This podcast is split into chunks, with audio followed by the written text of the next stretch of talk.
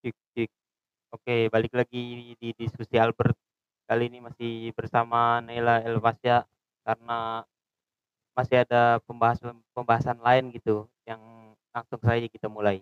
Pay attention, pay attention, pay attention.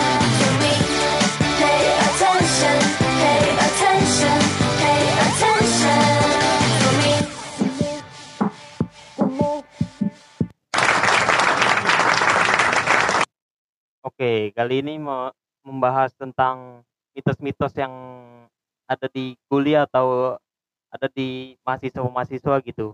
Oke.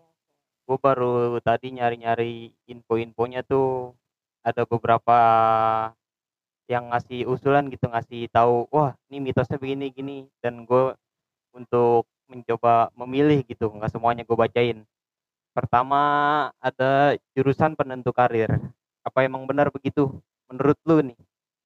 Sebenarnya enggak juga sih, karena emang jurusan kita tuh nggak bakal jadi penentu karir kita di masa depan. Ya beberapa orang sih memiliki karir ya, uh, dia tuh pengen punya karir yang sesuai sama jurusannya tuh saat kuliah. Tapi ada juga yang pengen banget punya karir yang berbeda juga jurusannya pada saat kuliah. Oh, emang tergantung dari lu mendalami apa yang emang lu pelajarin gitu kan. Nantinya mungkin lu jadi begini, jadi begitu ya kan. Bukan berarti lu ngambil kuliah jurusan yang emang sejurusan lu pilih nih ya kan.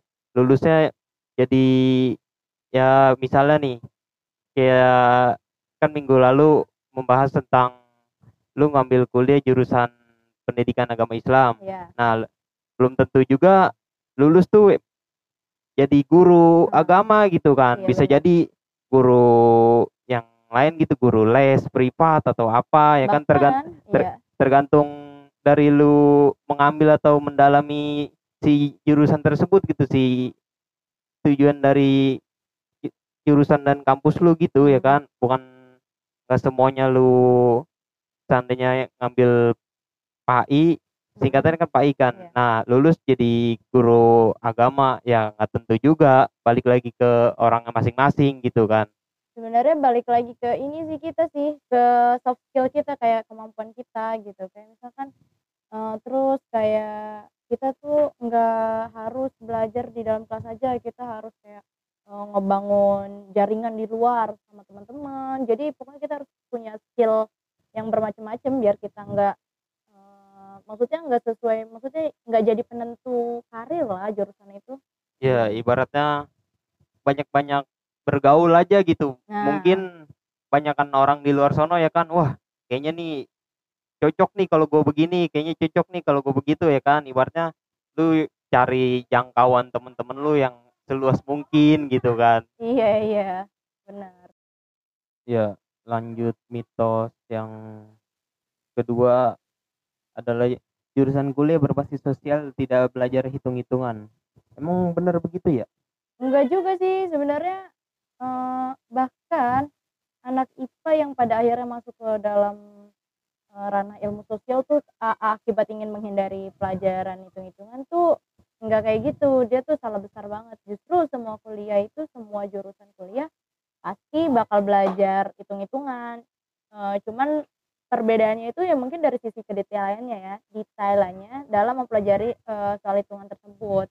Mungkin kayak gue nih gue kan jurusan PAI nih eh, nggak uh, mungkin orang-orang berpikir di luar sana oh gue milih PAI aja nggak bakal ada hitung-hitungan atau belajar agama gitu kan. Nah yeah. sebenarnya tuh nggak kayak gitu. Jadi uh, kita tuh sama-sama juga belajar berhitung maksudnya belajar hitung-hitungan gitu. Itu juga kita belajar hitung-hitungan buat sebagai uh, ini aja ilmu buat gunain metode penelitian kuantitatif saat skripsi nanti gitu. Cuma itu aja sih nggak nggak banyak. Paling satu eh gue selama kuliah itu cuman satu mata kuliah doang. Mata kuliah uh, apa hitung-hitungan. Yang ada hitung-hitungannya itu cuma satu mata kuliah doang. Gitu sih. Emang berarti semua jurusan tuh masih ada gitu ya kan hitung-hitungannya Nah, mungkin lebih beda babnya, lebih beda versinya gitu. Ada yang mungkin lebih gampang atau emang lebih rumit ya kan Iya. ya masa iya akuntansi ngitungnya kurang-kurangan biasa doang kayak anak SD kan nggak Iya. mungkin Iya, nggak mungkin banget. iya emang balik lagi ke tiap jurusannya mungkin dari bab-babnya gitu yang dipelajarin Iya. oke lanjut yang ketiga anak kuliah bebas untuk tidak masuk kelas lah emang bebas begitu Enggak lah, kita sama aja kayak anak-anak SMA. Eh, ada yang lima hari yang gue bilang waktu minggu lalu tuh yang perbedaan kelas karyawan sama kelas reguler tuh. Eh, nah itu sama juga kayak masuk anak-anak SMA lah kayak eh, lima hari bahkan ada yang enam hari berturut-turut. Nah itu yang pasti masuk masuk ke kelas lah. Maksudnya tuh kayak merasa nggak nggak masuk kelas cuma titip absen doang sama temennya gitu. Nah, itu salah banget tuh, salah banget aturan yang yang apa ya, yang harus disalahin banget lah. Lu ngapain kuliah cuman titip absen, kagak masuk kelas gitu. Sedangkan nanti bakal di akhir penilaian itu bakalan ada eh, apa nilai formatif lu, nilai keseharian lu masuk kelas atau enggaknya, lu rajin diskusi atau enggaknya gitu. Hmm, emang berarti bohong aja emang namanya mitos ya kan orang Iya. mungkin banyak gitu emang lebih banyak yang percaya yang begini-begini nih yang mungkin pandangan orang wah enak tuh kuliah. Cuman daftar doang ya kan? Nggak nggak usah Hmm. masuk kuliah ya kan? Tapi bisa lulus ya belum tentu juga ya kan? Iya. emang balik lagi ke kan cara-cara lulus juga kan nggak mungkin dari absen do nggak mungkin dari nilai doang gitu. Bisa dari jadi absen dari yang Hmm. lain-lain ya kan? Emang banyak gitu penilaian-penilaian tertentu ya kan? Yang dosen nilai gitu ya kan nggak mungkin dari nilai tugas doang. Mungkin lu jarang masuk tapi ngerjain tugas ya belum tentu juga. Dari absen lu kosong ya kan. Di situ bisa jadi pertimbangan gitu untuk nggak lulus ke semester selanjutnya. Kalau di jurusan gue tuh entah di jurusan gue doang atau di apa fakultas lain atau di jurusan lain atau bahkan di universitas universitas lain itu jatah absen untuk nggak masuk kelas itu tiga minimal. Eh, yang absen ya. Kalau yang terhitung sakit atau yang terhitung sakit mah nggak kehitung lah tiga. Pokoknya yang izin atau alfa nah itu kalau udah lebih dari tiga udah eh, lu nggak bakalan eh, dapat nilai di mata kuliah itu. Bisa jadi ngulang tahun depan gitu. oh emang berarti di dunia kampus juga emang ngulangnya tuh dari semester itu apa dari awal lagi? Ya dari eh, itu aja. Maksudnya sesuai sama mata kuliah. Misalkan gue eh, ngambil mata kuliah eh, akidah akhlak di madrasah gitu. Nah gue tuh selama mata kuliah itu eh, misalkan gue lima kali nggak masuk. Nah tahun depan gue harus ngulang mata kuliah itu selama satu semester gitu. Hmm, emang penting gitu ya. Penilaian-penilaian itu kelas. ya kan masuk kelas ya kan ngerjain tugas juga. Oke lanjut ke yang keempat. Orang yang sukses biasanya dari lulusan kampus yang terkenal. Emang begitu. Setahu gue banyak juga ah kampus-kampus yang biasa orang-orang yang sukses gitu. Iya sebenarnya sih lulusan universitas terkenal tuh nggak selalu ngejamin kesuksesan karir seseorang sih.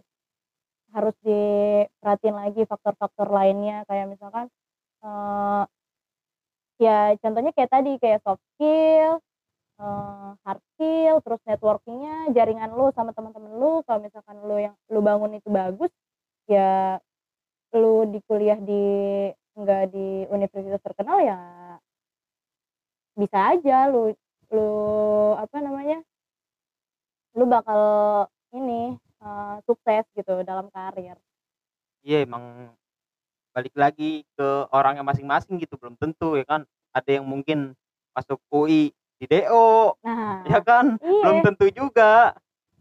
Jadi Bener emang balik lagi ke lu masing-masing gitu. Lu kuliah tuh emang bener kuliah atau cuman ya sekedar kuliah iseng-iseng doang ya kan? Ya iya biar nama lu wah gila nih gue kuliah di UI nih. Teman-teman lu pada gila nih dia kuliah di UI eh, keren banget gini nih. Iya padahal juga semester berapa di DO gitu. Gak selamanya universitas yang terkenal bakalan ini ya ngejamin kesuksesan karir. Oh ya langsung lanjut ke terakhir. Mitos terakhir adalah menentukan konsentrasi kuliah harus dilakukan sejak awal kuliah.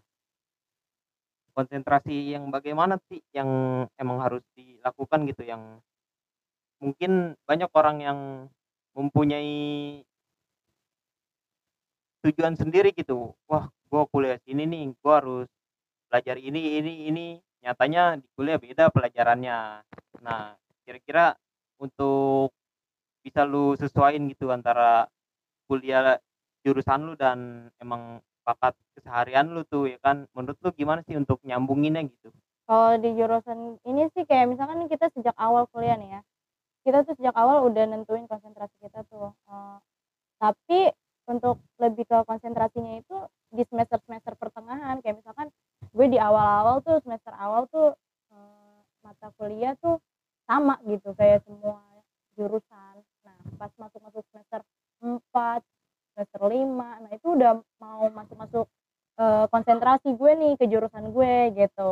Kadang tuh, eee, awal awalnya tuh karena, eee, kita konsentrasi sejak awal itu karena, eee, desas-desus, eee, sama kakak tingkat gitu. Padahal mah kan kita maksudnya sama, eee, sama-sama orang gitu ya, beda kan kemampuannya kan nggak mungkin juga kan, eee, konsentrasi kita tuh apa, cepet banget gitu, terlalu cepet buat nentuin konsentrasi pilihan kita gitu. Iya. Mmm, emang berarti ya nanya-nanya mah boleh gitu ya kan, cuman balik lagi lu harus menyaring gitu ya kan, emang perlu atau nggak perlunya gitu ya kan, lu belajarin ini, belajarin itu Nah ya iya, kan. harus Semuanya emang gitu. Perlu-perlu aja, cuman kan nggak mungkin semuanya keluar juga ya kan, beda dengan nantinya gitu. Iya bener. Intinya lu nyiapin aja gitu kan.